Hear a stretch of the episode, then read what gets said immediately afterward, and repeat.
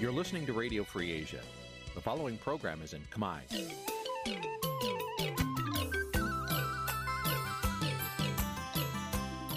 នេះជាកម្មវិធីផ្សាយ Vuthu Azizi Serai នេះជាកម្មវិធីផ្សាយរបស់ Vuthu Azizi Serai ជាភាសាខ្មែរ Vuthu Azizi Serai សូមស្វាគមន៍លោកអ្នកនាងទាំងអស់ពីរដ្ឋធានី Washington នៃសហរដ្ឋអាមេរិក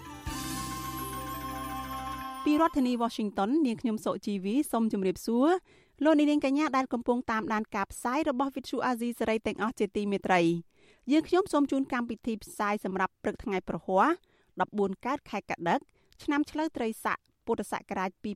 2565ចាប់ត្រូវនៅថ្ងៃទី18ខែវិច្ឆិកាគ្រិស្តសករាជ2021ចាស់ជាដំបូងនេះសូមអញ្ជើញលោកអ្នកនាងស្ដាប់ព័ត៌មានប្រចាំថ្ងៃដែលមានមេត្តាដូចតទៅ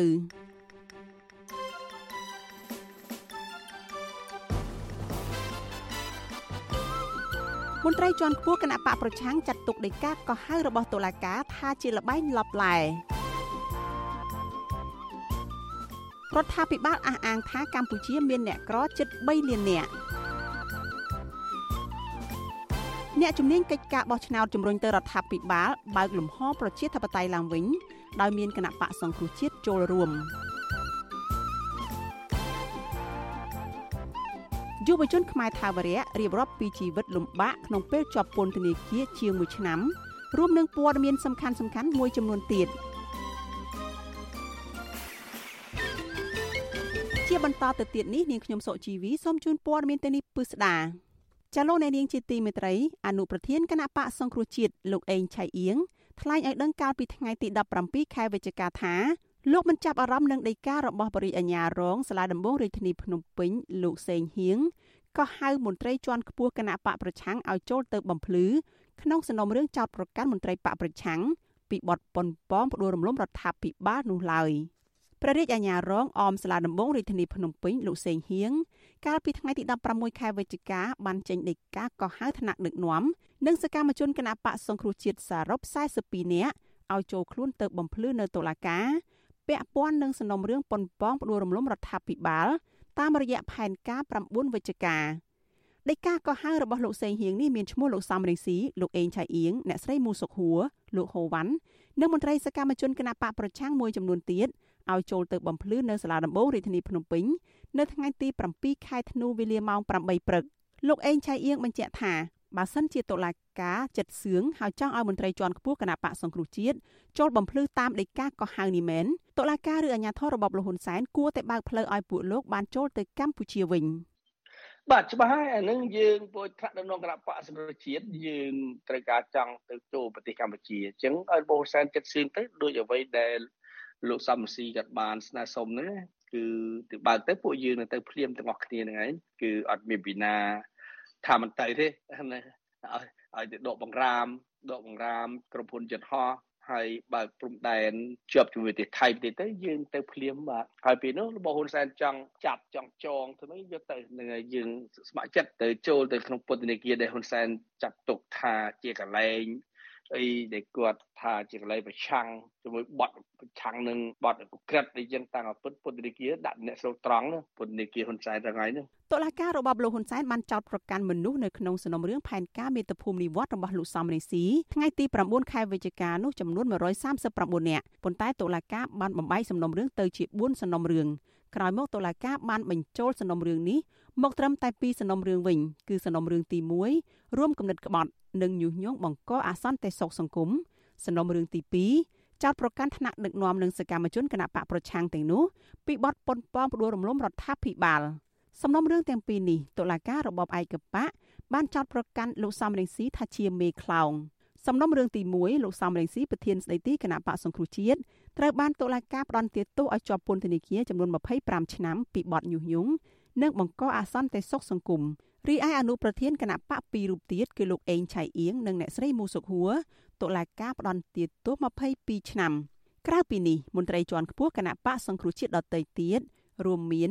អ្នកស្រីជូឡុងសូម៉ូរ៉ាលោកម៉ែនសុថាវរិន លោកអ៊ូច័ន្ទរិទ្ធលោកហូវ៉ាន់លោកឡុងរីនិងលោកនុតរំដួលត្រូវតុលាការផ្តន្ទាទោសម្នាក់ម្នាក់ឲ្យជាប់ពន្ធនាគាររយៈពេល20ឆ្នាំ ក្នុងសំណុំរឿងចោតប្រកាន់ពីបទរួមគំនិតក្បត់និងញុះញង់បង្កអសន្តិសុខសង្គមនេះទោះយ៉ាងណាក៏ដោយលោកអេងឆៃអៀងមានប្រសាសន៍ថាលោកសេងហៀងចេញដីកាក៏ហៅលោកនិងមន្ត្រីគណៈបកសង្គ្រោះជាតិចំនួន41នាក់ផ្សេងទៀតក្នុងសំណុំរឿងប៉ុនប៉ងផ្ដួលរំលំរដ្ឋាភិបាលនេះមិនមែនជារឿងអនុវត្តច្បាប់ត្រឹមត្រូវឡើយលោកអេងឆៃអៀងបានចោទប្រកាន់តុលាការថាធ្វើតាមបញ្ជារបស់លោកហ៊ុនសែនដែលប្រើស្ថាប័នអនុវត្តច្បាប់ ជាលបែងលបឡែនយោបាយ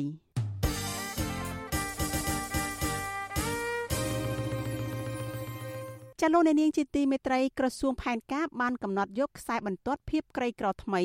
និងអត្រាភាពក្រីក្រថ្មីនៅកម្ពុជា ឆ្នាំ2019ឆ្នាំ2020បើតាមការកំណត់ថ្មីនេះចំនួនអ្នកក្របានកើនឡើងបើប្រៀបធៀបនឹងតួលេខអ្នកក្រ កាលពី6ឆ្នាំមុនចាលោកមួងណារ៉េតរាយការណ៍ព័ត៌មាននេះ ខ្សែបន្ទាត់ភាពក្រីក្រថ្មីនិងអត្រាភាពក្រីក្រនៅកម្ពុជា ឆ្នាំ2019និងឆ្នាំ2020ដែលក្រសួងផែនការបានកំណត់នៅក្នុងសេចក្តីប្រកាសព័ត៌មានរបស់ខ្លួនកាលពីថ្ងៃទី17ខែវិច្ឆិកាបង្ហាញថាប្រជាជនជិត18%ឬជិត3លាននាក់នៃប្រជាពលរដ្ឋសរុបនៅទូទាំងប្រទេសកំពុងរស់ក្រោមបន្ទាត់ភាពក្រីក្រ ក្រសួងផែនការកំណត់ថាដែលហៅថាអ្នកក្រជាទូទៅបាន គឺទាល់តែអ្នកនោះ រកប្រាក់ចំណូលបានត្រឹមតែ19051រៀលឬប្រមាណ2ដុល្លារកន្លះនៅក្នុងមួយថ្ងៃទោះជាយ៉ាងនេះក្តីក្រសួងនេះបែងចែកខ្សែបន្ទាត់ភាពក្រីក្រថ្នាក់ជាតិទៅតាមតំបន់ចំនួន3គឺភ្នំពេញតំបន់ប្រជុំជនផ្សេងទៀតនិងតំបន់ជនបទអ្នកនៅភ្នំពេញបើរកចំណូលបានត្រឹមតែ19051រៀលឬប្រមាណ2ដុល្លារកន្លះនៅក្នុងមួយថ្ងៃនោះគឺត្រូវចាត់ទុកថាក្រ នៅតាមតំបន់ទីប្រជុំជនផ្សេងទៀតបើគាត់រកប្រាក់បានក្រោម10000រៀលឬ9571រៀលឬ2.3ដុល្លារនៅក្នុងមួយថ្ងៃត្រូវចាត់ទុកថាក្រដែររីឯអ្នកនៅទីជនបទវិញបើគាត់រកប្រាក់បានក្រោម9000រៀលឬក៏8908រៀលឬក៏2.1ដុល្លារត្រូវចាត់ទុកថាក្រដែរតួលេខថ្មីនេះក្រសួងផែនការថាបានកំណត់ ដោយប្រើប្រាស់ទិន្នន័យពីការអង្កេត សេដ្ឋកិច្ចសង្គមគិច្ចកម្ពុជា ដែលកម្ពុជាធ្លាប់យកមកប្រើប្រាស់ដែរដើម្បីវាស់វែងកម្រិតនៃភាពក្រីក្រនៅកម្ពុជានាពេលកន្លងមក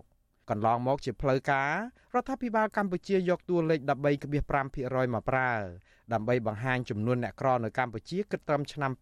2014ដែលស្របតាមតួលេខរបស់ធនាគារពិភពលោកឬហៅកាត់ថា World Bank ពេលនោះគឺអ្នករកបានប្រាក់ក្រោម8000រៀល ឬក្រោម1ដុល្លារ90សេននៅក្នុងមួយថ្ងៃត្រូវចាត់ទុកថាក្រនៅក្នុងន័យនេះបានន័យថាបើមនុស្សម្នាក់រកប្រាក់បានលើស8000រៀលតែបន្តិចនៅក្នុងមួយថ្ងៃគឺចាត់ទុកថាផុតក្រឬមានន័យថាប៊ីក្រអ្នកដែលប៊ីក្រនេះមានចំនួនច្រើនលាននាក់ក៏ប៉ុន្តែនៅឆ្នាំ2018កម្មវិធីអភិវឌ្ឍរបស់អង្គការសហប្រជាជាតិហៅកាត់ថា UNDP រកឃើញថាពលរដ្ឋខ្មែររហូតដល់ទៅ35%ឬ5លាន6សែននាក់ កំពុងតែរស់នៅក្នុងស្ថានភាពក្រីក្រ បន្ថែមលើនេះមានប្រជាពលរដ្ឋខ្មែរ21.1%ឬក៏ជិត3លាន4សែននាក់នៅប៉ំប៉ំក្បែរក្រនិងបើមានវិបត្តិសង្គមឬក៏សេដ្ឋកិច្ចតែបន្តិចពួកគាត់នឹងធ្លាក់ខ្លួនក្រវិញភ្លាមមួយរំពេចកាលនោះអង្គការអន្តរជាតិនេះបានពិនិត្យមើលភាពក្រីក្ររបស់ប្រជាពលរដ្ឋកម្ពុជាតាមបែបស៊ីជម្រៅលើសពីកម្រិតប្រាក់ចំណូលតិចជាង1.9ដុល្លារនៅក្នុងមួយថ្ងៃ ដោយរាប់បញ្ចូលទាំងបញ្ហាប្រឈមផ្សេងផ្សេងទៀតដូចជាពលរដ្ឋដែលត្រូវគេបោះបង់ចោលនៅក្នុងវិស័យសុខាភិបាលអប់រំនិងស្តង់ដារនៃការរស់នៅ ជាពិសេសគឺកង្វះទឹកស្អាតអនាម័យកង្វះអាហារូបត្ថម្ភនិងការអប់រំកម្រិតមូលដ្ឋានជាដើម។របាយការណ៍នេះធ្វើឲ្យរដ្ឋមន្ត្រីក្រសួងផែនការលោកឆាយថនខកចិត្តយ៉ាងខ្លាំងនិងស្ដីបន្ទោសអង្គការនេះថាផ្សព្វផ្សាយព័ត៌មានធ្វើឲ្យមានការភ័ន្តច្រឡំដល់សាធារណជនខ្មែរដែលមិនសូវចេះអក្សរបន្ទាប់មក ស្រាប់តែក្រសួងផែនការចេញសេចក្តីថ្លែងការណ៍នៅថ្ងៃទី6ខែតុលាឆ្នាំ2018ថាតំណាងអង្គការសហប្រជាជាតិប្រចាំនៅកម្ពុជាលោកស្រី Pauline Tamasis បានចេញមកសុំទោសរដ្ឋាភិបាលរឿងចេញផ្សាយរបាយការណ៍នោះបើទោះបីជាយ៉ាងនេះក្តីនៅខែតុលាឆ្នាំ2020កម្មវិធីអភិវឌ្ឍរបស់អង្គការសហប្រជាជាតិបានចេញរបាយការណ៍មួយទៀតដោយព្យាករថាវិបត្តិជំងឺ Covid-19 នឹងធ្វើឲ្យអត្រាភាពក្រីក្រនៅកម្ពុជាកើនដល់17.58%ការព្យាករនេះ មានភាពប្រហាក់ប្រហែលគ្នាខ្លាំងទៅនឹងតួលេខរបស់ក្រសួងផែនការដែលប្រកាសឲ្យប្រើប្រាស់ជាផ្លូវការកាលពីថ្ងៃទី17ខែវិច្ឆិកានោះដោយខុសគ្នាមិនដល់កន្លះភាគរយផង។ក្រសួងផែនការបញ្ជាក់ថាកម្ពុជាគួរតែមានខ្សែបន្ទាត់ភាពក្រីក្រថ្មីសម្រាប់ប្រើប្រាស់ជាចំណុចចាប់ផ្ដើមដើម្បីតាមដានត្រួតពិនិត្យលទ្ធផលនៃការអនុវត្តផែនការយុទ្ធសាស្ត្រអភិវឌ្ឍជាតិឆ្នាំ2019 2023 និងលទ្ធផលនៃការសម្រេចបានគោលដៅអភិវឌ្ឍប្រកបដោយចីរភាពកម្ពុជាឆ្នាំ2016ដល់ឆ្នាំ2030នៅក្នុងន័យនេះបើតាមក្រសួងផែនការខ្សែបន្ទាត់ភាពក្រីក្រថ្មីនោះគឺអ្វីដែលក្រសួងនេះប្រកាសឲ្យប្រើប្រាស់ជាផ្លូវការកាលពីថ្ងៃទី17ខែវិច្ឆិកានោះឯងក៏ប៉ុន្តែតួលេខអ្នកក្រនេះនៅមិនទាន់បញ្ចូលអ្នកដែលរងផលប៉ះពាល់ដោយសារតែជំងឺ Covid-19 ក្នុងឆ្នាំ2021ដែលជាឆ្នាំអាក្រក់បំផុតនៃវិបត្តិសេដ្ឋកិច្ចកម្ពុជានិងពិភពលោក រដ្ឋាភិបាលតែងតែអះអាងអំពីមោទនភាពថានៅក្នុងរយៈពេលជាង2ទសវត្សរ៍មកនេះខ្លួនបានកាត់បន្ថយអត្រាភាពក្រីក្រពីជិត48%នៅក្នុងឆ្នាំ2007មកនៅត្រឹម13.5%កាលពីឆ្នាំ2014ហើយមានមហិច្ឆតាចង់คล้ายខ្លួនពីប្រទេសអភិវឌ្ឍតិចតួចមកជាប្រទេសមានចំណូលមធ្យមកម្រិតខ្ពស់នៅឆ្នាំ2030និងជាប្រទេសមានចំណូលខ្ពស់នៅឆ្នាំ2050ក៏ប៉ុន្តែរូបភាពនៃពលករចំណាក់ស្រុកខ្មែររាប់លាននាក់អត់ការងារធ្វើនៅក្នុងស្រុក រួចរត់ទៅធ្វើការស្របច្បាប់និងខុសច្បាប់និងធ្វើជាអ្នកសុំទានគេនៅតាមប្រទេសជិតខាងហើយត្រូវអាជ្ញាធរបរទេសចាប់បញ្ជូនមកកម្ពុជាវិញស្ទើរតែរាល់ថ្ងៃកំពុងតែធ្វើឲ្យរដ្ឋាភិបាលរងនូវក្តីអាម៉ាស់លើឆាកអន្តរជាតិបន្ថែមពីនេះទៀតពលរដ្ឋកម្ពុជាជាង2លាន4សែនគ្រួសារកំពុងជំពាក់បំណុលមីក្រូហិរញ្ញវត្ថុស្ទើរវ៉ាន់កនៅក្នុងម្នាក់ម្នាក់មិនតិចជាង4000ដុល្លារស្របពេលដែលរដ្ឋឯណោះវិញគិតមកត្រឹមដំណាច់ឆ្នាំ2020ជំពាក់បំណុលបរទេស សរុបប្រមាណជាង9600លានដុល្លារនៅក្នុងនោះបំណុលស្ទើរតែចិត្តពាក់កណ្ដាលឬប្រមាណជាង46%ជាបំណុលដែលរដ្ឋជំពាក់ចិនខ្ញុំបាទមួងណារ៉េត With you Asisari ប្រធានាធិបតី Washington លោកអ្នកនាងកញ្ញាប្រិមិត្តជាទីមេត្រីសេចក្តីរាយការណ៍តាក់ទងនឹងការងារបោះឆ្នោតឯនេះវិញចាអ្នកវិភាគនិងអ្នកធ្វើការផ្នែកការបោះឆ្នោតជំរុញទៅរដ្ឋាភិបាលឲ្យបើកលំហប្រជាធិបតេយ្យឡើងវិញ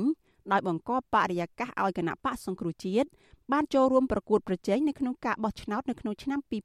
2022និងឆ្នាំ2023ដើម្បីឲ្យមានសម្លេងពហុបកនៅក្នុងរដ្ឋសភាឡើងវិញចាលោកទីនសការីយ៉ាមានសេចក្តីរាយការណ៍អំពីរឿងនេះ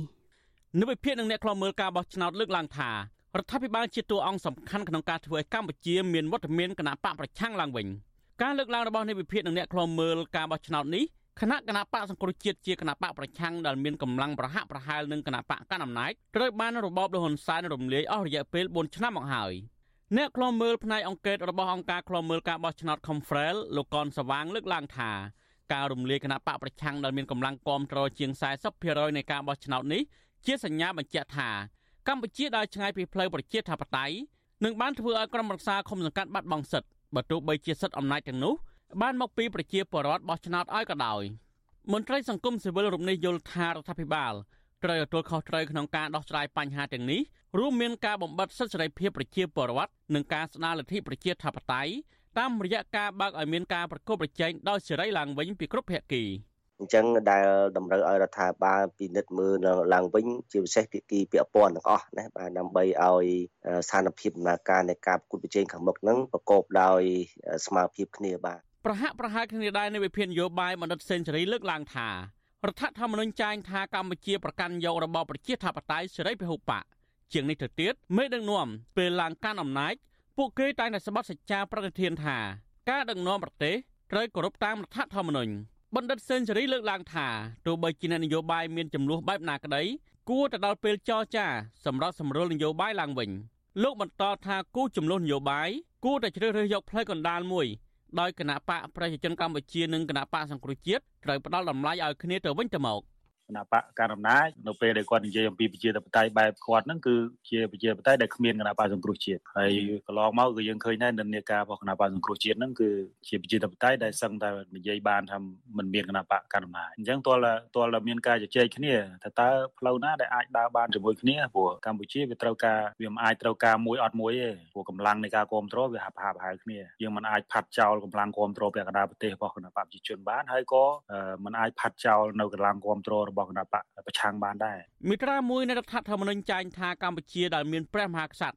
ទ្រង់ប្រតិបត្តិតាមរដ្ឋធម្មនុញ្ញនិងគោរពតាមលទ្ធិប្រជាធិបតេយ្យសេរីពហុបកទោះជាយ៉ាងណាក្រោយពីរបបលហ៊ុនសែនរំលាយគណៈបកសង្គ្រោះជាតិកាលពីឆ្នាំ2017មកកម្ពុជាបានក្លាយជារបបឯកបកដោយស្ថាប័នជាតិទាំងអស់ត្រូវស្ថិតនៅក្រោមការគ្រប់គ្រងរបស់គណៈបកប្រជាជនកម្ពុជាផ្ដាច់មុខ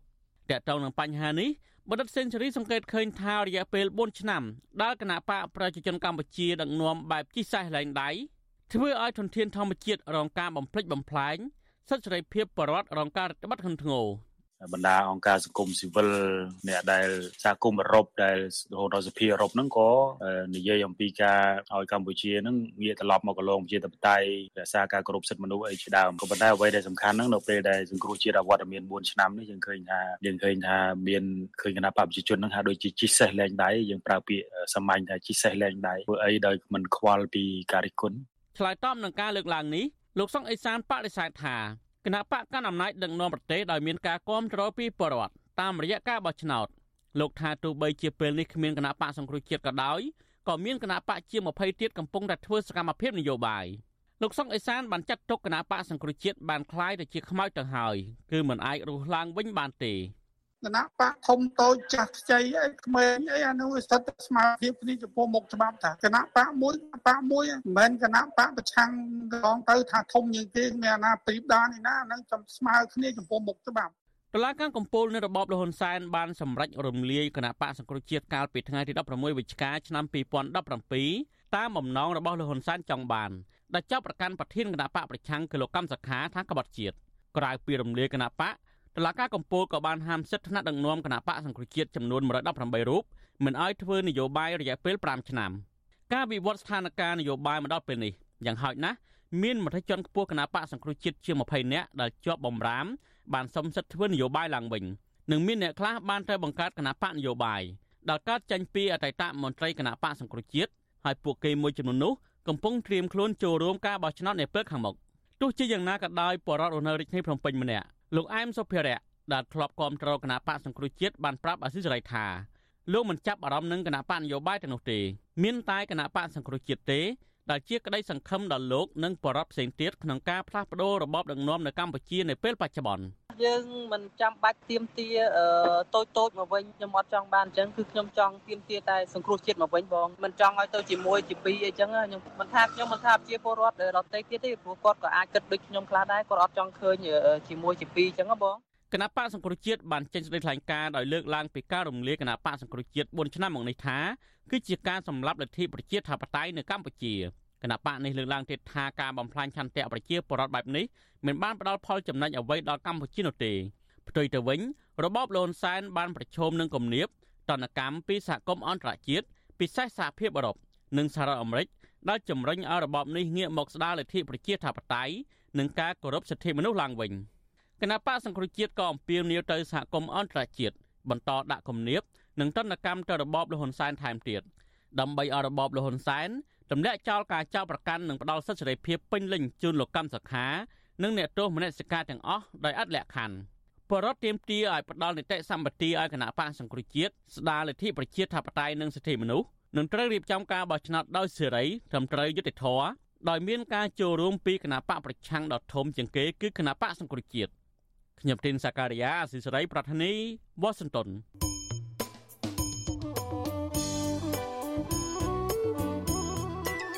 លោកអ្នកនាងកញ្ញាប្រិមិត្តអ្នកស្ដាប់វិទ្យុអាស៊ីសេរីទាំងអស់ជាទីមេត្រី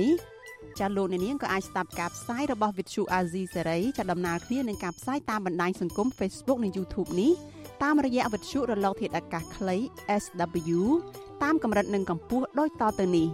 ពេលព្រឹកចាប់ពីម៉ោង5កន្លះដល់ម៉ោង6កន្លះ តាមរយៈរលកធាតុអាកាសខ្លី9390 kHz ស្មើនឹងកម្ពស់ 32m និង11850 kHz ស្មើនឹងកម្ពស់ 25m ពេលយប់ចាប់ពីម៉ោង7កន្លះដល់ម៉ោង8កន្លះតាមរយៈរលកធាតុអាកាសខ្លី9390 kHz ស្មើនឹងកម្ពស់ 32m និង15155 kHz ស្មើនឹងកម្ពស់ 20m ចាសសូមអរគុណ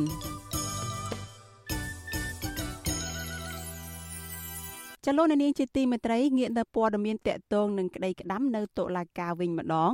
សាច់ញាតិមេធាវីការពារក្តីនិងមន្ត្រីសង្គមស៊ីវិលរិះគន់តុលាការក្រុងភ្នំពេញថាសម្រេចក្តីដោយអយុត្តិធម៌ការលើកឡើងនេះក្រោយពេលដែលសាលាដំបងរាជធានីភ្នំពេញបដិសេធសំណើសុំនៅក្រៅឃុំរបស់សកម្មជនគណៈបកសង្គ្រោះជាតិចំនួន14នាក់ចាអ្នកស្រីខែសុណងរាយការណ៍ព័ត៌មាននេះ តុលាការក្រុងភ្នំពេញមិនអនុញ្ញាតឲ្យសកម្មជនគណៈបកប្រឆាំងអាចនៅក្រៅឃុំបណ្ដោះអាសន្នឡើយទោះបីជាអ្នកទាំងនោះបានជាប់ឃុំជិត2ឆ្នាំមកហើយទាំងមិនទាន់ជំនុំជម្រះក្តីដើម្បីរកឃើញថាពួកគេមានទោសឬគ្មានទោសក្តីប្រធានក្រុមប្រឹក្សាជំនុំជម្រះនៃសាលាដំបងរាជធានីភ្នំពេញលោកចៅក្រមរស់ពិសិដ្ឋបដិសេធសំណើសុំនៅក្រៅឃុំសកម្មជនគណៈបកប្រឆាំងទាំង14នាក់ប៉ុន្តែចៅក្រមរូបនេះមិនបានបញ្ជាក់អំពីមូលហេតុច្បាស់លាស់នៃការសម្រេចនេះទេ មេធាវីការពីក្តីឲ្យសកម្មជនទាំង14នាក់គឺលោកសំសុគង្គនិយាយថាលោកខកចិត្តចំពោះការសម្រេចបែបនេះព្រោះកូនក្តីរបស់លោកទាំងនោះមានលក្ខណៈគ្រប់គ្រាន់អាចនៅក្រៅឃុំបានលោកមេធាវីរិះគន់ថាការបន្តឃុំខ្លួនបែបនេះមិនត្រឹមត្រូវតាមនីតិវិធីនៃការឃុំខ្លួន និងប៉ះពាល់ធ្ងន់ធ្ងរដល់សិទ្ធិសេរីភាពអ្នកជាប់ឃុំទាំងនោះ។ លោកបន្តទៀតថាកូនក្តីរបស់លោកភៀកច្រើនមានបញ្ហាសុខភាពហើយពួកគេបានជាប់ពន្ធនាគារប្រមាណ2ឆ្នាំមកហើយសុទ្ធតែជិត2ឆ្នាំបានថាក្នុងក្រមនីតិវិធីព្រមតាន់ហ្នឹងគឺវាហួសនីតិវិធីនៃការឃុំខ្លួនហើយអ្វីដែលយើងឃើញថាពួកគាត់អះអាងដែលហ៊ានសន្យាថានឹងមិនរត់គេចវេសមិនដូលនៅឋានមិនចេញទៅក្រៅហ្នឹងអានេះជាចំណុចមួយដែលតុលាការគួរតែពិចារណាដើម្បីឲ្យពួកគាត់នៅក្រៅឃុំនៅសារនេះជាការធានាមួយដែលបង្ហាញថានៅពេលដែលដោះលែងនៅក្រៅឃុំមិនប៉ះពាល់ទៅនឹងវត្តមាននីតិវិធីនៃតុលាការទេសាលាដំបងរាជធានីភ្នំពេញនៅថ្ងៃទី17ខែវិច្ឆិកាបានបើកសវនាការករណីសំណើក្រៅឃុំរបស់សកម្មជនគណៈបកសង្គ្រោះជាតិចំនួន14នាក់តាមសំណើមេធាវីការពីក្តីក្រោយពីពួកគេជាប់ឃុំនៅពន្ធនាគារជិត2ឆ្នាំក្នុងសំណុំរឿងរួមគំនិតក្បត់ញុះញង់ឲ្យមានភាពវឹកវរធ្ងន់ធ្ងរដល់សន្តិសុខសង្គមនិងញុះញង់មិនឲ្យយុធិនស្ដាប់បង្គាប់សកម្មជនទាំងនោះរួមមានលោកកៅថៃលោកញ៉ែមវ៉ានលោកសុនធុន លោកខឹមភាណា លោកយឹមសារ៉េតលោកកកគុម្ភានិងមនុស្សមួយចំនួនទៀតសវនាការនេះក៏មានការឃ្លាំមើលពីក្រុមសាច់ញាតិសកម្មជន អង្គការសង្គមស៊ីវិលលោករងឈុនដែលទៅចេញពីពន្ធនាគារនិងសកម្មជនគណៈបកសង្គ្រោះជាតិផ្សេងទៀតក្រោយតុលាការបន្តឃុំខ្លួនសកម្មជនទាំង14នាក់សាច់ញាតិសកម្មជនបកដែលចូលមកឃ្លាំមើលតុលាការមានការខកចិត្តដោយអ្នកខ្លះស្ទើរតែខ្យល់ក វិលមុខចង់ដួលនៅមុខតុលាការ កូនប្រុសសកម្មជនគណៈបកប្រឆាំងលោកកៅថៃ គឺលោកកៅសួរដែលបានចូលរួមស្ដាប់សវនាការដែរនោះប្រាប់វិទ្យុអាស៊ីសេរីថាលោករន្ធត់ចិត្តអាណិតឪពុកដែលកំពុងមានជំងឺប៉ុន្តែតុលាការមិនអនុញ្ញាតឲ្យចេញក្រៅពន្ធនាគារដើម្បីព្យាបាលជំងឺលោកឲ្យដឹងទៀតថាសប្តាហ៍ឪពុកគាត់មានជំងឺរលាកបំពង់កធ្ងន់ធ្ងរ ឡើងជាតិអាស៊ីតនិងឈឺក្រពះជាដើមគាត់ត្រូវការព្យាបាលក្រៅពន្ធនាគារដើម្បីថែទាំសុខភាពគាត់ហើយនៅក្នុងពន្ធនាមិនអាចមានឧបករណ៍ដូចបែបខាងក្រៅទេបាទមានការសោកស្ដាយដែលតឡាការបានបាក់ខ្សែតឲ្យឪពុករបស់ខ្ញុំនៅក្រៅឃុំជំវិញការសម្រេចបែបនេះរបស់តឡាការ វិទ្យុអាស៊ីសេរីមិនអាចសុំបំភ្លឺបន្ថែមពីប្រធានតុលាការសាលាដំបងរាជធានីភ្នំពេញលោកតាន់សុនឡាយបាននៅឡើយទេនៅថ្ងៃទី17ខែវិច្ឆិកាដោយឡែកអ្នកនាំពាក្យគណៈបកប្រជាជនកម្ពុជាលោកសុកអេសានលើកឡើងដដែលដដែលថាការសម្រេចរបស់តុលាការថាដោះលែងឬមិនដោះលែងអ្នកជាប់ឃុំណាម្នាក់គឺជាឆន្ទានុសិទ្ធិរបស់តុលាការ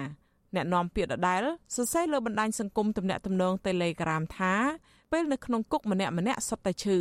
ដល់ពេលចេញពីគុកសុទ្ធតែក្លាហាន ហើយអត់មានឈឺអីទេជុំវិញរឿងនេះនាយករងទទួលបន្ទុកផ្នែកឃ្លាំមើលសិទ្ធិមនុស្សនៃអង្គការលីកាដូលោកអំសំអាត សង្កេតឃើញថាសំណុំរឿងសកម្មជនបកប្រឆាំងទាំង14នាក់ជាប់តាក់ទងទៅនឹងរឿងនយោបាយច្រើនជាងការអនុវត្តច្បាប់មន្ត្រីសង្គមស៊ីវិលរូបនេះយល់ថាតុលាការឬស្ថាប័នពាក់ព័ន្ធគួរអនុញ្ញាតឲ្យអ្នកទាំងនោះបាននៅក្រៅឃុំដើម្បីជាការបន្ធូរបន្ថយបរិយាកាសនយោបាយនិងការគោរពសិទ្ធិមនុស្ស ខណៈកម្ពុជានឹងក្រុងធ្វើជាប្រធានអាស៊ាននាឆ្នាំ2022ខាងមុខលោកបន្តថាបើសកម្មជននយោបាយនិងសកម្មជនសង្គមនៅតែបន្តជាប់ឃុំតទៅទៀត มันបានផ្ដល់ផលប្រយោជន៍ល្អដល់រដ្ឋាភិបាលនោះទេគួរតែពិនិត្យនិងពិចារណាទៅលើរឿងទាំងអស់ទាំងនេះហើយរឿងសំខាន់ដែលការរិះគន់ថាការចាប់ការគុំខ្លួនទៅលើកម្មជននៃបេតកបកខាងកន្លងមកនោះវាជារឿង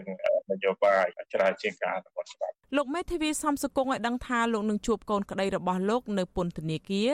ដើម្បីសម្រេចថានឹងរកមធ្យោបាយតាមផ្លូវច្បាប់យ៉ាងណាទៀតអាចឲ្យពួកគេបាននៅក្រៅឃុំលោកឲ្យដឹងដែរថាសាលាដំបូងរាជធានីភ្នំពេញ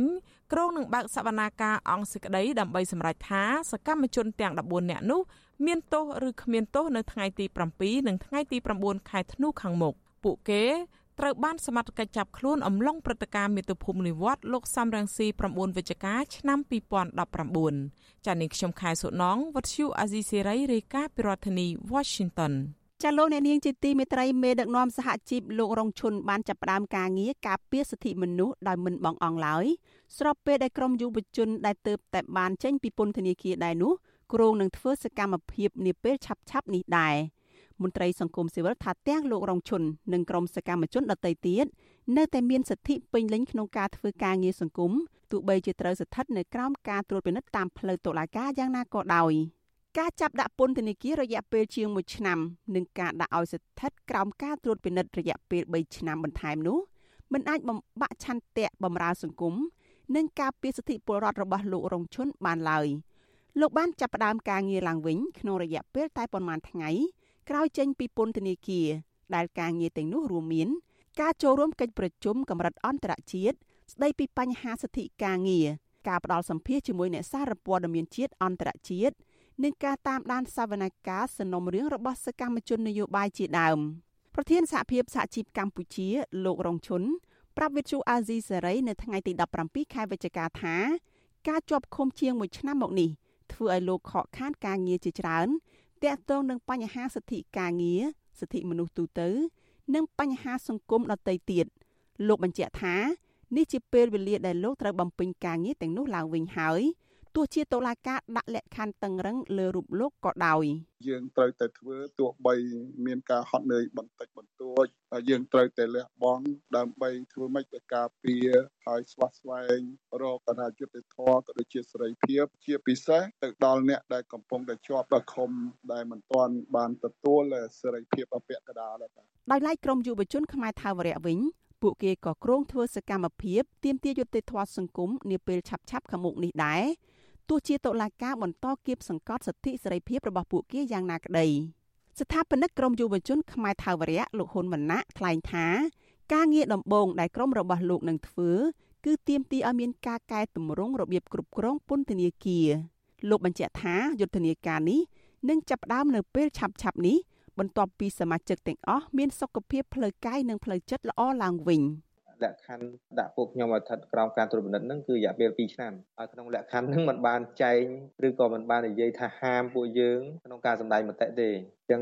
ខ្ញុំថាការសម្ដែងមតិក្នុងរូបភាពណាមួយដែលមិនមានអំពើហិង្សានេះជារឿងដែលប្រជាពលរដ្ឋខ្មែរអាចធ្វើបានគ្រប់គ្រប់គ្នាតុលាការរបបលោកហ៊ុនសែនបានដោះលែងលោករងឈុនយុវជនខ្មែរថាវរៈយុវជនមេដាធម្មជាតិសកម្មជននយោបាយនិងសមាជិកសង្គមស៊ីវិលសរុប27នាក់ នៅក្នុងរយៈពេល2សប្តាហ៍ចុងក្រោយនេះប៉ុន្តែពួកគាត់ភ័យច្រើននៅជាប់លក្ខខណ្ឌត្រួតពិនិត្យតាមផ្លូវតុលាការចន្លោះពី2ឆ្នាំទៅ3ឆ្នាំបន្ថែមទៀតដែលធ្វើឲ្យសេរីភាពរបស់ពួកគាត់នៅតែស្ថិតនៅក្រោមការគៀបសង្កត់ដដែលជុំវិញការចាប់ផ្ដើមធ្វើសកម្មភាពឡើងវិញរបស់អ្នកទោសមនសិការទាំងនេះវិទ្យុអាស៊ីសេរីបានតាក់ទងប្រធានតុលាការក្រុងភ្នំពេញលោកតាំងសុនឡាយដើម្បីសាកសួររឿងនេះតែលោកប្រាប់ថា កំពុងជាប់រវល់ប្រជុំ រីឯអ្នកនាំពាក្យតុលាការក្រុងភ្នំពេញលោកអ៊ីរិនវិញទូរស័ព្ទចូលតែពុំមានអ្នកទទួលចំណែកអ្នកនាំពាក្យតំណាងអាយកាអមតុលាការក្រុងភ្នំពេញលោកប្លង់សុផលវិញលោកមិននិយាយអ្វីនោះទេក្រោមហេតុផលថាលោកមិនមែនជាអ្នកនាំពាក្យតុលាការទាំងមូលទោះជាយ៉ាងណាប្រធានកម្មវិធីតស៊ូមតិនៃបណ្ដាញយុវជនកម្ពុជាលោកហេងកឹមហុងសាទរការវិលត្រឡប់មកកាន់ការងារការពារសិទ្ធិមនុស្សយុត្តិធម៌សង្គម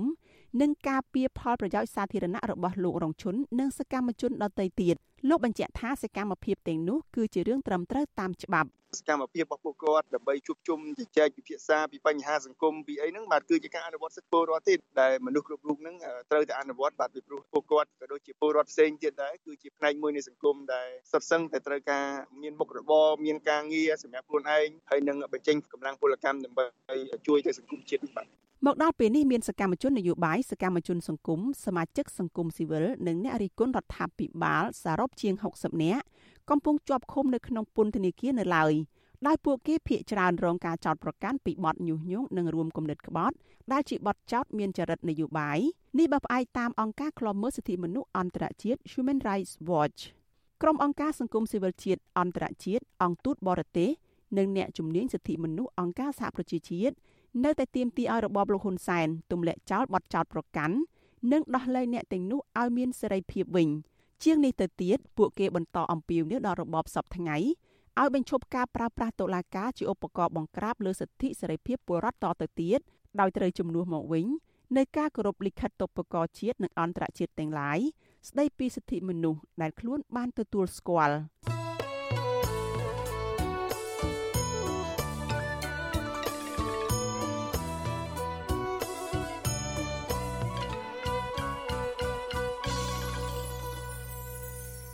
ចលនានាងជាទីមេត្រីតកតងនឹងការតាមចាប់អ្នកទោសដែលហែកគុករត់គេចខ្លួននៅខេត្តស្ទឹងត្រែងវិញម្ដងស្នងការនគរបាលខេត្តស្ទឹងត្រែងលោកអូតស៊ីវុធាប្រាប់សារព័ត៌មានក្នុងស្រុកកាលពីថ្ងៃទី17ខែវិច្ឆិកាម្សិលមិញថាសមត្ថកិច្ចចាប់បានអ្នកទោសរត់គេចខ្លួនចំនួន2នាក់ចុងក្រោយបន្ថែមទៀតសរុប7នាក់នោះបានមកវិញហើយអ្នកទោសទាំងពីរនាក់នោះត្រូវបានសមត្ថកិច្ចចាប់បាននៅភូមិកោះហឹប ឃុំអូស្វាយស្រុកបូរីអូស្វាយសែនជ័យបន្ទាប់ពីបានស្រាវជ្រាវអស់រយៈពេលជាងមួយសប្តាហ៍ពួកគេគឺជាជនជាតិខ្មែរនិងឡាវជាប់ពាក់ព័ន្ធនឹងបទល្មើសគ្រឿងញៀននិងបទលួច ដែលភ ieck ច្រើនតុលាការកាត់ឲ្យជាប់ពន្ធនាគារពី20ឆ្នាំទៅអស់មួយជីវិតស្នងការដ្ឋាននគរបាលខេត្តស្ទឹងត្រែងបានប្រកាសថា កាលពីម៉ោង3ទៀបភ្លឺថ្ងៃទី8ខែវិច្ឆិកា មានអ្នកទោស7នាក់បានវាយទម្លាយជញ្ជាំងគុកដោយប្រើប្រដាប់ខួងដៃត្រសេះ កំណាត់ឈើនិងមានខ្នើយភួយដើម្បីទប់មិនឲ្យលឺសំឡេងខ្លាំងរួចនាំគ្នារត់គេចខ្លួនពន្ធនាគារខេត្តស្ទឹងត្រែងធ្លាប់មានករណីអ្នកទោស5នាក់លួចរត់គេចខ្លួនម្ដងដែរកាលពីឆ្នាំ2018ប៉ុន្តែសមត្ថកិច្ចបានដេញចាប់អ្នកទោសទាំងនោះមកវិញបាន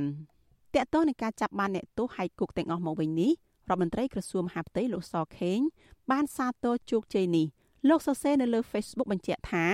ដំណើរការអធិការកិច្ចចំពោះបញ្ហាដែលកើតឡើងធ្វើឲ្យជនជាប់ឃុំរត់រួចពីពន្ធនាគារនោះគឺនៅកំពុងដំណើរការនៅឡើយហើយអាជ្ញាធរនឹងធ្វើកិច្ចការនេះប្រកបដោយការទទួលខុសត្រូវនិងតម្លាភាព។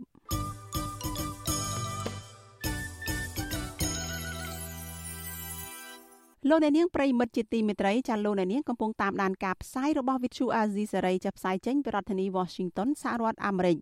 សមាជិកនៃក្រុមយុវជនខ្មែរថៅវរៈម្នាក់គឺកញ្ញាអេងម៉ាឡៃហៅសូមេតាធ្លាក់ខ្លួនឈឺធ្ងន់ក្រោយពេលចេញពីពន្ធនាគារមកវិញសុខភាពកញ្ញាទ្រុឌទ្រោមនៅពេលនេះបណ្ដាលមកពីការរស់នៅក្នុងពន្ធនាគារដែលមានសភាពចង្អៀតណែនថប់គ្មានខ្យល់ចេញចូលរងសម្ពាធផ្លូវកាយនិងផ្លូវចិត្តជាដើម តើកញ្ញាមានសំណុំពរនិងចង់ឃើញរដ្ឋាភិបាលកែលម្អស្ថានភាពរស់នៅរបស់អ្នកជាប់ក្នុងពន្ធនាគារនោះយ៉ាងដូចម្តេចខ្លះចាលោកអ្នកនាងនឹងបានស្ដាប់សេចក្តីរាយការណ៍ពឹស្ដារជុំវិញរឿងនេះនៅពេលបន្តិចទៀតនេះ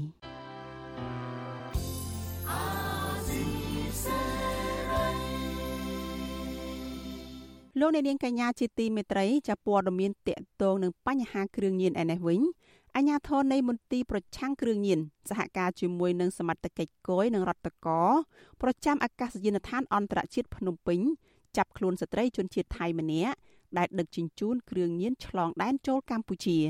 ស្ត្រីជនជាតិថៃដែលអាជ្ញាធរចាប់ខ្លួនបាននោះមានឈ្មោះថាស៊ីនីសៃស៊ូវ៉ាន់អាយុ62ឆ្នាំដោយបានដកហូតគ្រឿងញៀនប្រភេទកាកូអ៊ីនទម្ងន់ជាង1គីឡូក្រាមលាក់បង្កប់នៅបាតវ៉ាលី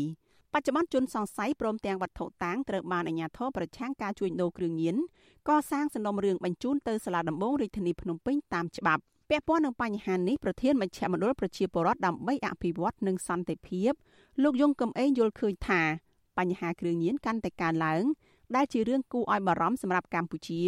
ដោយសារតែខ្វះវិធានការសកម្មភាពដែលមានប្រសិទ្ធភាពក្នុងការប្រយុទ្ធប្រឆាំងគ្រឿងញៀននិងមូលហេតុសំខាន់ៗមួយចំនួនទៀត គឺមន្ត្រីដែលមានអំណាចមួយចំនួនលួចខុបខិតជាមួយនឹងអ ுக ្រិតជនបញ្ហាគ្រឿងញៀនដែលបង្កវិនិច្ឆ័យជាពិសេសទៅដល់យុវជនវាមានទំហំកាន់តែធំជាងមុនវារីករាលដាលរហូតដល់ជនបទកាលពីមុនយើងឃើញថាវាមានតែនៅទីក្រុងទីប្រជុំជនលោកស្នើឲ្យអាជ្ញាធរពង្រឹងអនុវត្តច្បាប់ដោយដាក់ទោសទណ្ឌលើមន្ត្រីណា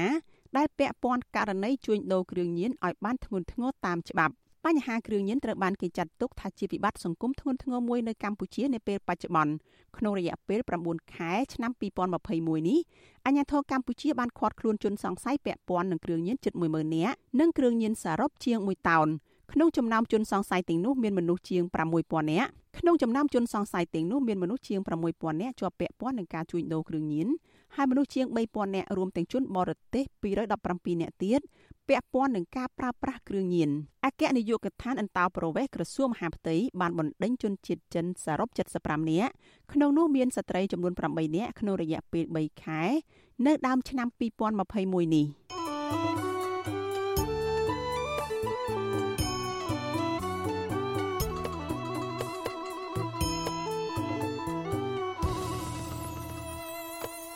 ចលនានាងជាទីមេត្រីសេចក្តីរាយការណ៍តេ តងនឹងការការពារធនធានសមុទ្រឯណោះវិញមន្ត្រីសង្គមស៊ីវិលនិងក្រមយុវជនទាមទារឲ្យអាជ្ញាធរខេត្តកែបស្រាយបំភ្លឺករណីបណ្តែតបណ្ដោយឲ្យមានសកម្មភាពចាក់ដីរំលោភយកឆ្នេរសមុទ្របំពេញច្បាប់ពួកគេសង្កេតឃើញថាឆ្នេរអង្កោលទំហំជិត2ហិកតាត្រូវបានជន់ល្មើសលួចចាក់ដីរំលោភយកធ្វើជាទ្រព្យបុគ្គលអស់ជាច្រើនខែមកហើយពុំមានអាជ្ញាធរទប់ស្កាត់នៅឡើយទេ ចាលោកទីនសការីយ៉ាមានសេចក្តីរាយការណ៍ដាច់ដោយឡែកមួយទៀតអំពីរឿងនេះមន្ត្រីអង្គការសង្គមស៊ីវិលនិងក្រុមយុវជនជំរុញឲ្យអាជ្ញាធរខេត្តកែបទប់ស្កាត់និងរុះរើជាបន្ទាន់ចំពោះសកម្មភាពចាក់ដីលុបឆ្នេរខ្សាច់អង្កោលនិងហុំព័ទ្ធរបងថ្មដើម្បីរំលោភយកទ្រព្យសម្បត្តិរបស់រដ្ឋស្ថិតនៅក្នុងឃុំអង្កោលស្រុកដំណាក់ចង្អើពួកគេទម្លាក់កំហុសបញ្ហានេះថាជាការធ្វេសប្រហែសរបស់អាជ្ញាធរខេត្តកែប ប្រធានផ្នែកកម្មវិធីស្រាវជ្រាវនឹងតស៊ូមតិនៃសមាគមបណ្ដាញយុវជនកម្ពុជា CYN លោកហេងកំហុងស្នើឲ្យអាជ្ញាធរខេត្តកែបបកស្រាយរឿងនេះឲ្យបានច្បាស់លាស់ព្រោះការរំលោភយកដីឆ្នេរសមុទ្រដែលជាទ្រព្យសាធារណៈរបស់រដ្ឋគឺជាទង្វើល្មើសច្បាប់លោកបញ្យល់ថាឆ្នេរសមុទ្រជាកម្មសិទ្ធិរបស់ពលរដ្ឋដែលការពារដោយច្បាប់គឺគ្មានបុគ្គលណាម្នាក់មានសិទ្ធិទៅរំលោភបំពានជាដាច់ខាតលោកសង្កត់ធ្ងន់ថាអាជ្ញាធរមានសមត្ថកិច្ចត្រូវរុះរើសំណងខុសច្បាប់ទាំងនេះ នឹងត្រូវខាត់ខ្លួនអ្នកពាក់ព័ន្ធមកទទួលខុសត្រូវចំពោះមុខច្បាប់អញ្ញាធរគួរតែមានការធ្វើបកស្ការបកស្រាយបាទពីព្រោះអីការលុបសមុទ្រដែលជាកម្មសិទ្ធិរួមបាទបើខណៈយើងនិយាយអំពីកម្មសិទ្ធិសាធារណៈរបស់រដ្ឋមានន័យថាជាកម្មសិទ្ធិរួមរបស់ប្រជាពលរដ្ឋដែលអាចប្រើប្រាស់អាស្រ័យផលឬក៏ដំណើរកំសាន្តនៃលេងរួមគ្នាបានដោយពុំមែនកាន់កាប់ដោយបុគ្គលណាម្នាក់ដូច្នេះហើយក៏ត្រូវតែបញ្ឈប់ពួកគាត់ជាបន្ទាន់ហើយធ្វើការខត់ខ្លួនអ្នកពាក់ព័ន្ធដើម្បីសាកសួរចម្លើយអនុវត្តតាមនីតិវិធីច្បាប់ កាលពីដើមសប្តាហ៍នេះក្រុមយុវជនមួយក្រុមរស់នៅរាជធានីភ្នំពេញបានទៅទស្សនកិច្ចនៅខេត្តកែបប្រទះឃើញកំណាត់ផ្លូវមួយខ្សែមានប្រវែងជាង10ម៉ែត្របណ្ដោយរាប់រយម៉ែត្រទំហំជិត2ហិកតាសង់លយចូលមាត់សមុទ្រនិងមានរបងថ្មកម្ពស់ជាង2ម៉ែត្រហុំព័ទ្ធនៅតំបន់ឆ្នេរអង្កោលស្ថិតនៅក្នុងឃុំអង្កោលស្រុកដំណាក់ចង្អើពលរដ្ឋរស់នៅតំបន់នោះប្រាប់យុវជនថាអ្នកដែលរំលោភបំពានឆ្នេរសមុទ្រឈ្មោះអង្គវងវត្ត បម្រើការងារនៅក្រសួងសេដ្ឋកិច្ចនិងហិរញ្ញវត្ថុវិទ្យុអសិរ័យមិនអាចតកតងលោកអង្គវងវត្តនិងអ្នកនាំពាក្យក្រសួងសេដ្ឋកិច្ចនិងហិរញ្ញវត្ថុលោកមាសសុកសេនសានដើម្បីសូមអធិប្បាយជំវិញនឹងការចោទប្រកាន់នេះបាននៅឡើយទេនៅថ្ងៃទី17វិច្ឆិកាចំណែកអ្នកនាំពាក្យសាលាខេត្តកែបលោកវ៉ៅសុខានិងអភិបាលខេត្តកែបលោកសំពិសិដ្ឋក៏មិនអាចតកតងបានដែរនៅថ្ងៃដដែលនេះប៉ុន្តែលោកវ៉ៅសុខាបានប្រកាសក្នុងស្រុកថាបញ្ហានេះ ក្រុមការងារជំនាញនឹងធ្វើរបាយការណ៍ជូនអភិបាលខេត្តកែបដើម្បីសម្រេចថាតើត្រូវឬចេញឬយ៉ាងណាលោកថាសកម្មភាពលុបឆ្នេរនេះធ្វើឲ្យរាំងស្ទះគម្រោងសាងសង់ផ្លូវប្រប់មាត់សមុទ្ររបស់ធនាគារអភិវឌ្ឍអាស៊ី ADB ដែលត្រូវចំណាយថវិកាជិត20លានដុល្លារក្នុងការសាងសង់ទោះជាយ៉ាងណាមន្ត្រីសម្រាប់សម្រួលសមាគមអាត60ខេត្តកែបនិងខេត្តកំពតលោកយុនផុលលីចាត់ទុកទង្វើនេះថាជាការកាន់កាប់ដីរដ្ឋដែលខុសច្បាប់ដែលអាជ្ញាធរនិងតុលាការ គួរតែស៊ើបអង្កេតលើរឿងនេះជាបន្ទាន់លោកបន្តថាអាជ្ញាធរដែលបណ្ដាលបណ្ដោយឲ្យមានការចាក់ដីលុបឆ្នេរខ្សាច់ខុសច្បាប់ក៏ត្រូវតែទទួលខុសត្រូវចំពោះមុខច្បាប់ដែរលោកបន្ថែមថាការមិនដាក់ទោសទណ្ឌចំពោះអ្នកដែលពាក់ព័ន្ធរំលោភយកទ្រព្យសម្បត្តិរបស់រដ្ឋគឺជាគំរូអាក្រក់មួយធ្វើឲ្យជនល្មើសមិនខ្លាចច្បាប់ហើយសកម្មភាពនេះនឹងកើតឡើងដដែលដដែលអាញាធរដែនដីឬក៏អាញាធរមូលដ្ឋានរួមរួមទាំងខេត្ត គួរតែមានវិធានការធ្វើការទប់ស្កាត់មិនឲ្យបុគ្គលនោះទៅធ្វើការរំលោភយកតំបន់ស្ទេមកធ្វើជាកម្មសិទ្ធិឯកជនបានទេមានវិធានការចំពោះចំណាដែលបានរំលោភដីសាធារណៈរបស់រដ្ឋបើសិនជាដឹងហើយមិនមានការទប់ស្កាត់មិនមានវិធានការបណ្ដេតបណ្ដោយឲ្យបុគ្គលនឹងធ្វើការចាក់បំពេញដីសាធារណៈរបស់រដ្ឋតាមផ្លូវច្បាប់ត្រូវតែមានទោស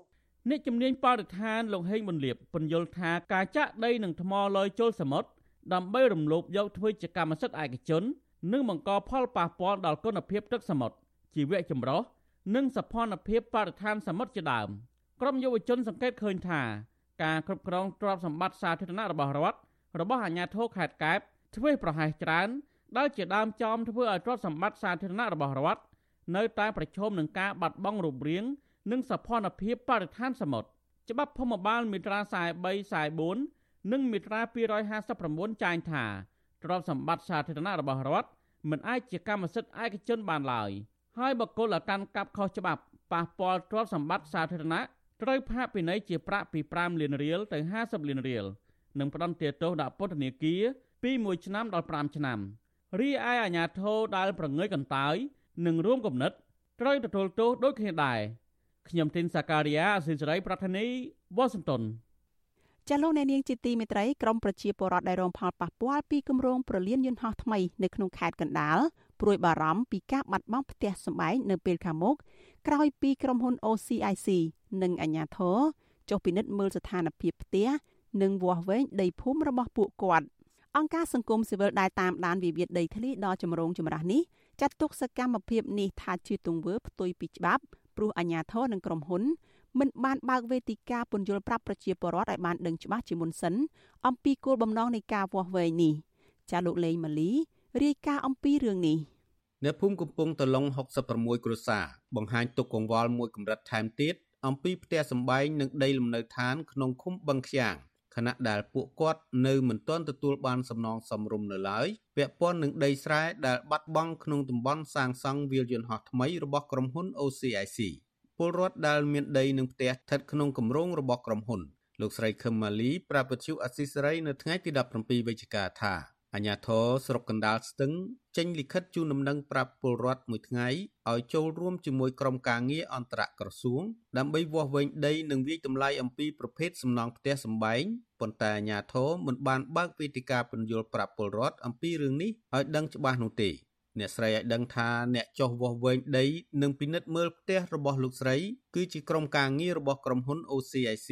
ដែលមានមេការម្នាក់ឈ្មោះលោកជូកុកសាយជាអ្នកដឹកនាំដោយមិនមានមន្ត្រីពីក្រសួងដែនដីឬមន្ទីរសូរិយោដីចូលរួមដោយការអះអាងរបស់អាជ្ញាធរទេឬមន្ទីរសូរិយោដីដោយការអះអាងរបស់អាជ្ញាធរទេ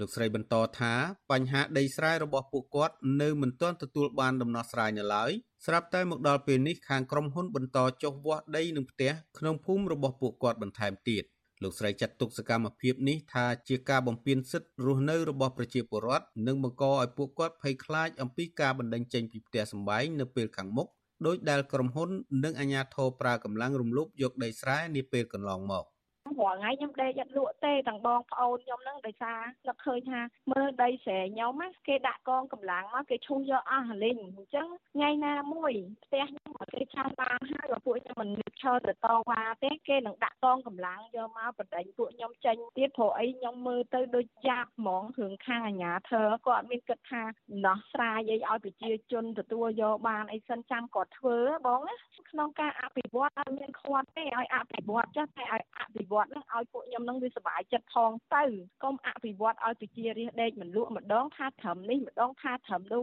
ស្រាតែមាត់គាត់និយាយអញ្ចឹងបងវាអត់មានការពិតអីឲ្យជាក់ស្ដែងមួយអញ្ចឹង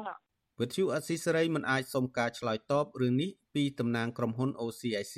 លោកជូកុកសាយបានទេនៅថ្ងៃទី17វិច្ឆិកាដោយសារទូរស័ព្ទហៅចូលតែពុំមានអ្នកទទួលចំណែកអភិបាលស្រុកកណ្ដាលស្ទឹងលោកអ៊ូចសាវឿនប្រាប់វិទ្យុអស៊ីសេរីយ៉ាងខ្លីថា ការចុះវាស់វែងនេះគឺដើម្បីសិក្សានិងវិយតម្លៃពីផលប៉ះពាល់ផ្ទះសម្បែងរបស់ប្រជាពលរដ្ឋដែលស្ថិតក្នុងគម្រោងរបស់ក្រុមហ៊ុនជុំវិញរឿងនេះអ្នកសម្របសម្រួលគម្រោងធុរកិច្ចនិងសិទ្ធិមនុស្សនៃមជ្ឈមណ្ឌលសិទ្ធិមនុស្សកម្ពុជា លោកវ៉ាន់សុផាត មានប្រសាសន៍ថាសកម្មភាពរបស់ក្រុមហ៊ុននេះគឺធ្វើខុសច្បាប់ដែលតម្រូវឲ្យមានការបើកវេទិកាសាធារណៈប្រឹក្សាយោបល់និងយល់ព្រមពីសហគមន៍ដែលរងផលប៉ះពាល់ពីគម្រោងនេះជាមុនសិនលោកបន្តថា នេះអាចជាសញ្ញាបង្ហាញអំពីការបណ្ដេញពលរដ្ឋចេញពីផ្ទះដោយបង្ខំនៅថ្ងៃណាមួយលោកស្នើឲ្យអាជ្ញាធរនិងក្រុមហ៊ុនពិនិត្យមើលច្បាប់អាសាមិកនិងច្បាប់រដ្ឋធម្មនុញ្ញហើយបន្តដោះស្រាយផ្ដាល់សំណងបញ្ចប់ចំនួនដីធ្លីនេះជូនពលរដ្ឋស្របតាមច្បាប់ និងដោយសន្តិវិធី។ ច្បាប់របស់យើងមាននីតិវិធីរបស់យើងមានណាអញ្ចឹងការប្រើប្រាស់ហិង្សាឬក៏កម្លាំងប្រដាប់អាវុធនិងប្រព័ន្ធតឡាការដើម្បីថក់យកដីជាប្រវត្តិពីនៅឋានរបស់ជាប្រវត្តិហ្នឹងឃើញថាវាការមានលុបទៅលុបដល់ធនធ្ងរអញ្ចឹងហើយរាជរដ្ឋាភិបាលក៏ដូចជាស្ថាប័នពាក់ព័ន្ធហើយដូចជាអាជ្ញាធរហ្នឹងគឺត្រូវតែមានដំណោះស្រាយឲ្យបានសមរម្យដែលអាចទទួលយកបានពីគាត់មិនមិនអញ្ចឹងទេខ្ញុំក៏ស្គាល់ឃើញថានៅតែជាដល់ផ្ទះដល់អីហើយអាហ្នឹងវានឹងការទៅចូលនឹងការអំពើហិង្សាធនធ្ងរហើយវាពាក់ព័ន្ធទៅនឹងការក្រាបនឹងធនធ្ងរទៀតណាគឺវាចូលទៅដល់នឹងអតីតកាលវិញដូចជានៅដីក្រហមដូចជានៅបរិយាកលាដូចជានៅតាអំពើនឹងជាដើមបាទមាត្រា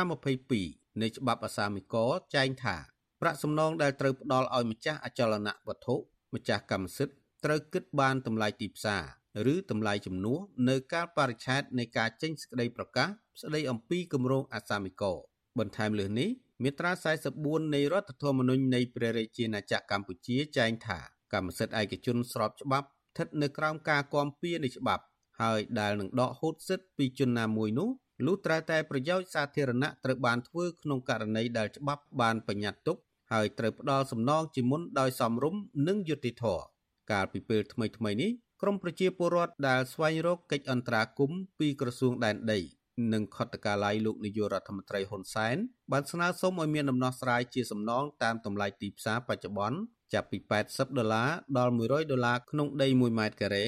ដើម្បីឲ្យពួកគាត់អាចទៅរកទិញដីនៅទីតាំងថ្មីបាន។ក្រុមអង្គការសង្គមស៊ីវិលដែលឃ្លាំមើលរឿងនេះក៏ស្នើឲ្យមានការជួបចរចាគ្នាពីគ្រប់ភាគីដើម្បីដោះស្រាយបញ្ហាវិវាទនេះដោយអហិង្សា និងឈលលើគោលការណ៍ច្បាប់ដើម្បីធានាដល់សិទ្ធិម្ចាស់ដី និងសំណងសមរម្យដល់សហគមន៍ដែលរងផលប៉ះពាល់ពីគម្រោងអភិវឌ្ឍនេះ ខ្ញុំបាទលេងម៉ាលីវិទ្យុអស៊ីសេរីរាយការណ៍ពីរដ្ឋធានី Washington លោកនាងកញ្ញាប្រិមិត្តអ្នកស្ដាប់ជាទីមេត្រីតកតងនឹងការឆ្លងរាលដាលជំងឺ Covid-19 វិញម្ដងអ្នកស្លាប់ដោយសារជំងឺ Covid-19 បានកើនឡើងដល់ជិត2881នាក់ហើយក្រោយពីមានអ្នកជំងឺចំនួន5នាក់ទៀតបានស្លាប់ក្នុងនោះមាន4នាក់មិនបានចាក់ថ្នាំបង្ការជំងឺ Covid-19 ចំណែកករណីឆ្លងថ្មីវិញក្រសួងសុខាភិបាលប្រកាសថា មាន51នាក់ ដែលជាលទ្ធផលបញ្ជាក់ដោយម៉ាស៊ីនពិសោធន៍ PCR គិតត្រឹមព្រឹកថ្ងៃទី17ខែវិច្ឆិកាម្សិលមិញកម្ពុជាមានអ្នកកើតជំងឺ Covid-19 ជិត120,000នាក់ក្នុងនោះអ្នកជាសះស្បើយមានជាង116,000នាក់ចំពោះការចាក់ថ្នាំបង្ការជំងឺ Covid-19 វិញក្រសួងសុខាភិបាលប្រកាសថាគិតត្រឹមថ្ងៃទី16ខែវិច្ឆិកាម្សិលមិញ រដ្ឋាភិបាលចាក់ថ្នាំបង្ការជូនប្រជាពលរដ្ឋដែលមានអាយុចាប់ពី6ឆ្នាំឡើងទៅ បានជាង100%ហើយក្នុងចំណោមអ្នកដែលត្រូវចាក់ជិត14លាននាក់ចំណែកកុមារដែលមានអាយុ5ឆ្នាំវិញក្រសួងបញ្ជាក់ថាបានចាក់វ៉ាក់សាំងបានជាង79%នៅក្នុងចំណោមអ្នកដែលត្រូវចាក់សរុបជាង3សែននាក់ជាមួយគ្នានេះវ៉ាក់សាំងការពារជំងឺ Covid-19 ចំនួន2លានដូសបន្ថែមទៀតដែលជាជំនួយរបស់រដ្ឋាភិបាលចិនបានមកដល់ពលានយន្តហោះអន្តរជាតិភ្នំពេញ កាលពីព្រឹកថ្ងៃទី17ខែវិច្ឆិកាគិតត្រឹមថ្ងៃទី17ខែវិច្ឆិកាដដែលនោះកម្ពុជាបាននាំចូលវ៉ាក់សាំងបង្ការជំងឺ Covid-19 សរុបជាង39លានដូសក្នុងនោះវ៉ាក់សាំងជាង28លានដូសត្រូវបានរដ្ឋាភិបាលបញ្ជាទិញពីចិនដោយចំណាយអស់ប្រាក់ចំនួន285លានដុល្លារអាមេរិកនិងវ៉ាក់សាំងមួយចំនួនទៀតជាជំនួយមនុស្សធម៌ពីប្រទេសជាមិត្តរបស់កម្ពុជា។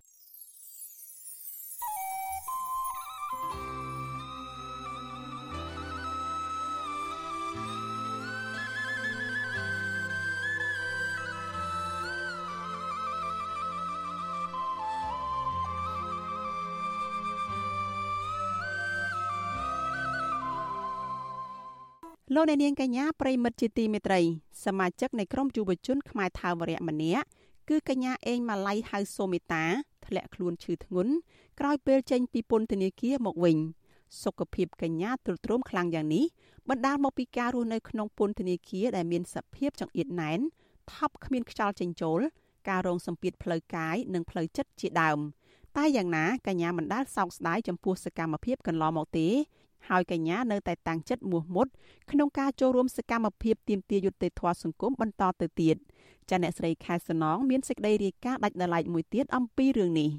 ក្រោយបានចេញពីពន្ធនាគារកញ្ញាសូមេតា មានជំងឺច្រើនមុខដូចជាឈឺក្រពះជំងឺ stress ស្លេកស្លាំង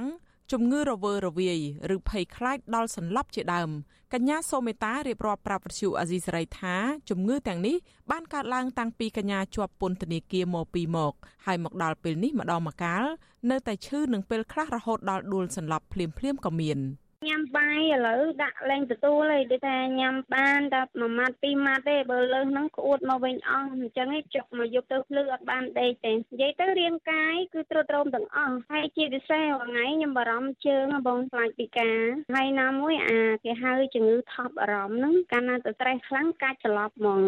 កញ្ញាសូមេតាគឺជាយុវជនម្នាក់ក្នុងចំណោម5នាក់នៃក្រុមយុវជនខ្មែរថាវរៈដែលទៅត្រូវបានដោះលែងចេញពីពន្ធនាគារនៅដើមខែវិច្ឆិកា កញ្ញាសូមេតាមានឈ្មោះដើមថាអេងម៉ាឡៃកើតនៅឆ្នាំ1989គឺជាកូនទី3នៃគ្រួសារកសិករមួយនៅស្រុកចំការលើខេត្តកំពង់ចាមកញ្ញាមានបងប្អូនបង្កើតចំនួន7នាក់នាងបានចាប់កំណើតនៅក្នុងគ្រួសារក្រីក្រមិនមានឱកាសរៀនសូត្របានច្រើននោះទេនៅអាយុជាង10ឆ្នាំកញ្ញាសូមេតាត្រូវបង្ខំចិត្តឈប់រៀនត្រឹមថ្នាក់ទី5ដើម្បីរកលុយនិងលៃពេលមើលថែប្អូន គឺបន្ទាប់ពីម្ដាយកញ្ញាបានស្លាប់នៅពេលនោះ ចាប់តាំងពីពេលនោះមកកញ្ញាសូមេតាត្រូវចេញទៅធ្វើការងារពីមួយថ្ងៃទៅមួយថ្ងៃដើម្បីជួយសម្រាលបន្ទុកឪពុកនិងត្រូវរកលុយផ្គត់ផ្គង់ឲ្យប្អូនប្អូនបានរៀនបន្តចុងក្រោយកញ្ញាបានធ្វើជាជំនួយការចុងភៅនៅក្នុងភោជនីយដ្ឋានមួយកន្លែងប៉ុន្តែដោយសារកញ្ញាមើលឃើញថាអំពើអយុត្តិធម៌កើតមាននៅក្នុងសង្គមកាន់តែច្រើនទើបកញ្ញានិងក្រុមយុវជន នាំគ្នាបង្កើតក្រុមមួយឈ្មោះថាខ្មែរថាវរៈហើយនាំគ្នាធ្វើសកម្មភាពនិងប្រកាន់ជំហរទាមទារយុត្តិធម៌និងផលប្រយោជន៍ជូនប្រជាពលរដ្ឋគាត់អសមត្ថភាពគាត់មិនទទួលស្គាល់ទេព្រោះកំហុសគាត់នឹងវាអាក្រក់ពេកគាត់នៅតែព្យាយាមបិទបាំងច្រានចោលច្រានចោលរហូតនឹងគ្រប់មន្ត្រីពីតូចដល់ធំនឹងគឺចរិតដូចគ្នាពិបាកឲ្យជួយចិត្តលៀបពណ៌តែសកម្មជននឹងមិនដែលចេះទទួលនគរបាលរាជធានីភ្នំពេញបានចាប់ខ្លួនកញ្ញាសូមេតាកាលពីថ្ងៃទី7ខែកញ្ញាឆ្នាំ2020នៅខណ្ឌច្បារអំពៅហើយតុលាការបានសម្រេចឃុំកញ្ញានៅក្នុងពន្ធនាគារជាង1ឆ្នាំក្នុងបទញុះញង់បង្កឲ្យមានភាពវឹកវរធ្ងន់ធ្ងរដល់សន្តិសុខសង្គមពាក់ព័ន្ធនឹងគម្រោងស្នើសុំធ្វើបាតកម្មនៅទីលានប្រជាធិបតេយ្យដើម្បីទាមទារដោះលែងមេសហជីពលោករងឈុនការរស់នៅក្នុងពន្ធនាគារជាង1ឆ្នាំមកនេះកញ្ញាសូមេតាក៏មិនខុសពីអ្នកជាប់ឃុំផ្សេងផ្សេងទៀតដែរបញ្ហាដែលកើតមានឡើងលើកញ្ញាសូមេតា គឺការចង្អៀតណែន ខ្វះទឹកស្អាតប្រើប្រាស់ការគំរាមកំហែងធ្វើបាបការរើសអើងពីមន្ត្រីពន្ធនាគារបញ្ហាខ្វះខាតថ្នាំសង្កូវកង្វះសេវាគាំពារសុខភាព និងបញ្ហាអំពើពុករលួយជាដើមកញ្ញាអះអាងថាមន្ត្រីពន្ធនាគារខ្លះបានបង្កើតការលំបាកហើយរដ្ឋបတ်មិនអោយអ្នកជាប់ឃុំបានជួបសាច់ញាតិនោះទេដើម្បីបង្ខំឲ្យអ្នកជាប់ឃុំឬសាច់ញាតិសោកប៉ាន់ពួកគេកញ្ញាបន្តទៀតថាការជួបសួរសុខទុក្ខគ្នាបានយូរឬលឿន គឺអាស្រ័យទៅលើចំនួនទឹកលុយថ្មីត្បិតតែបទបញ្ជាពន្ធនាគារមកពីចែងថាឆ្មាំត្រូវអនុញ្ញាតឲ្យសាច់ញាតិរបស់អ្នកជាប់ឃុំនៅភ្នំពេញអាចជួបគ្នាបាន30នាទីឯសាច់ញាតិមកពីខេត្តអាចជួបគ្នាបាន45នាទីទៅដល់60នាទីមែនតែការជួបជាក់ស្ដែងមិនដូច្នោះឡើយកញ្ញាសូមេតាបញ្ជាក់ថាអនុរិយខ្លះបានទារលុយត្រង់ត្រង់តែម្ដងគឺចន្លោះពី20ដុល្លារទៅ100ដុល្លារទើបអនុញ្ញាតឲ្យជួបសាច់ញាតិបានយូរ បើមិនដូច្នោះទេពួកគេអនុញ្ញាតឲ្យជួបត្រឹមតែ10នាទីប៉ុណ្ណោះដោយយកលេសថាដល់វេនអ្នកផ្សេងកញ្ញាឲ្យដឹងទៀតថាទោះបីជានៅក្នុងស្ថានភាពជំងឺ Covid-19 កំពុងឆ្លងខ្លាំងហើយក្រសួងមហាផ្ទៃបានបិទប្រកាសការសួរសុខទុក្ខទាំងស្រុងក៏ដោយក៏មន្ត្រីខ្លះអាចលួចជួយអ្នកជាប់ឃុំដែលមានលុយបានជួបសាច់ញាតិគេដែរកញ្ញាថាដើម្បីជួបសាច់ញាតិម្ដងក្នុងពេលឆ្លងជំងឺ Covid-19 ខ្លាំងនោះគឺត្រូវសោកប៉ាន់មន្ត្រីពន្ធនាគារពី50ដុល្លារឡើង កញ្ញាថា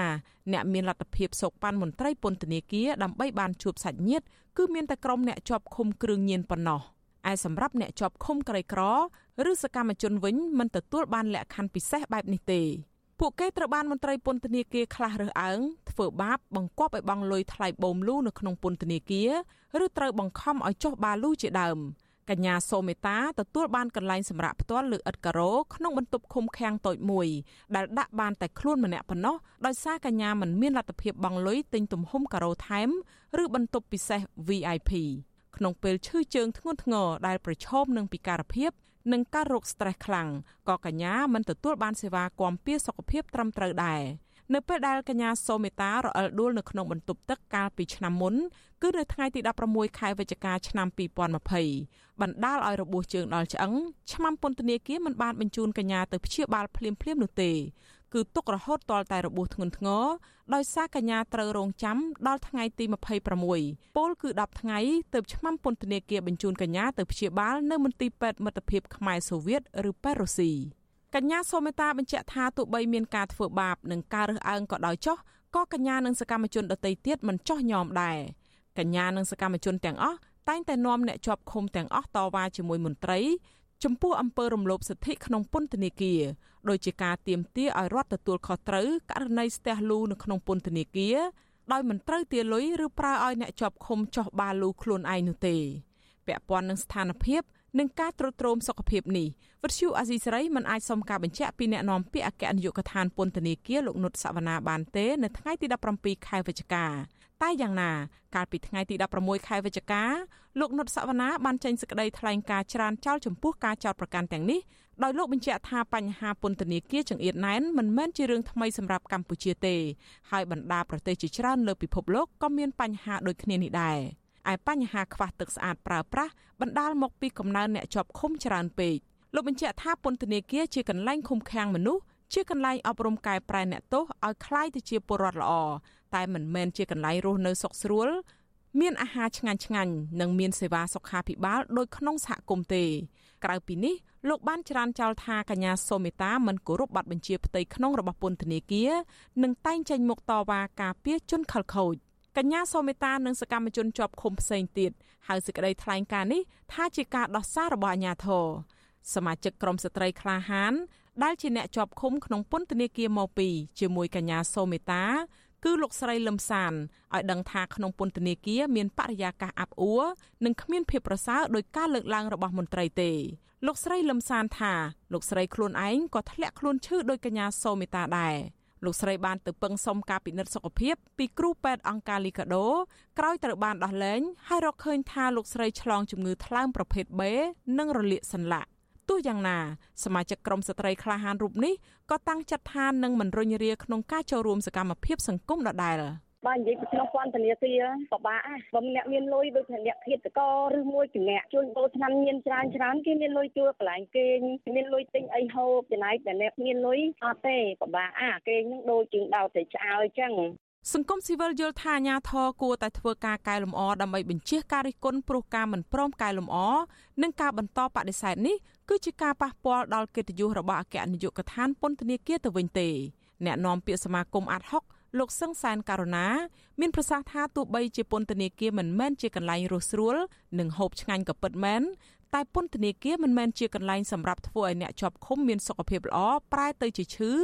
ឬគ្មានអាហារត្រឹមត្រូវនោះឡើយអ្នកឃ្លាំមើលសិទ្ធិមនុស្សរូបនេះយល់ឃើញថាស្ថាប័នថ្នាក់ជាតិគួរតែធ្វើអធិការកិច្ច ពីលើអគ្គនាយកដ្ឋានពន្ធនាគារបន្ថែមទៀតដើម្បីឲ្យមានការកែលម្អស្ថានភាពក្នុងពន្ធនាគារគួរតែឲ្យស្ថាប័នដាក់លើរបស់ខ្លួនទៀតឬក៏ស្ថាប័នណាមួយដែលមានឯករាជ្យភាពធ្វើការស៊ើបអង្កេតលើបញ្ហាទាំងអស់នឹងឡើងវិញហើយធ្វើរបាយការណ៍ទៅប្រមុខរដ្ឋាភិបាលដើម្បីឲ្យមានភាពច្បាស់លាស់ហើយបើសិនជារកឃើញនៅបញ្ហានឹងកើតឡើងក៏បីធ្វើការកែប្រែទៅអង្គការជាតិអន្តរជាតិនិងអ្នករាយការណ៍ពិសេសរបស់អង្គការសហប្រជាជាតិទទួលបន្ទុកផ្នែកសិទ្ធិមនុស្សនៅកម្ពុជា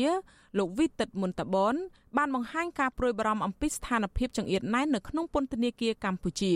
តំណាងអង្គការក្រៅរដ្ឋាភិបាលទាំងនេះតែងតែចេញផ្សាយរបាយការណ៍និងទាមទារឲ្យកម្ពុជាកែលម្អស្ថានភាពការរំលោភសិទ្ធិអ្នកជាប់ឃុំដែលរស់នៅក្នុងស្ថានភាពចង្អៀតខ្វះអនាម័យគ្មានទឹកស្អាតប្រើប្រាស់ការប៉ះពាល់ដល់សុខភាពផ្លូវកាយនិងផ្លូវចិត្តរបស់អ្នកជាប់ឃុំ ជាងនេះទៅទៀតអតីតអ្នកជាប់ឃុំអះអាងថាពន្ធនាគារមិនបានคล้ายជាកន្លែងអប់រំកែប្រែអ្នកជាប់ឃុំឲ្យប្រព្រឹត្តអំពើល្អដោយការអះអាងរបស់មន្ត្រីទេ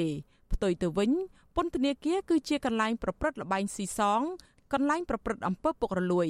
និងជាទីតាំងចែករំលែកបទពិសោធន៍ពីការលួចឆក់ប្លន់និងដូរគ្រឿងញៀនទៅវិញ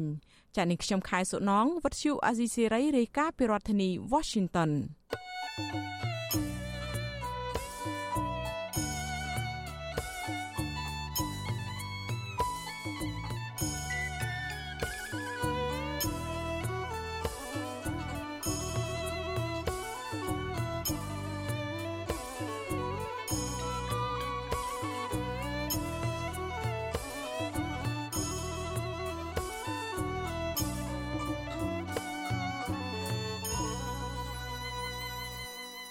ចាលោកអ្នកនាងកញ្ញាប្រិមិត្តអ្នកស្ដាប់វិទ្យុអាស៊ីសេរីទាំងអស់ជាទីមេត្រី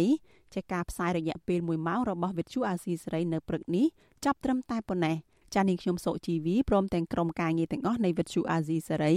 សូមជូនពរដល់លោកអ្នកនាងកញ្ញានិងក្រុមគ្រួសារឲ្យជួបប្រកបតែនឹងសេចក្តីសុខចម្រើនរុងរឿងកុំបីឃ្លៀងឃ្លាតឡើយចានាងខ្ញុំសូមអរគុណនិងសូមជម្រាបលា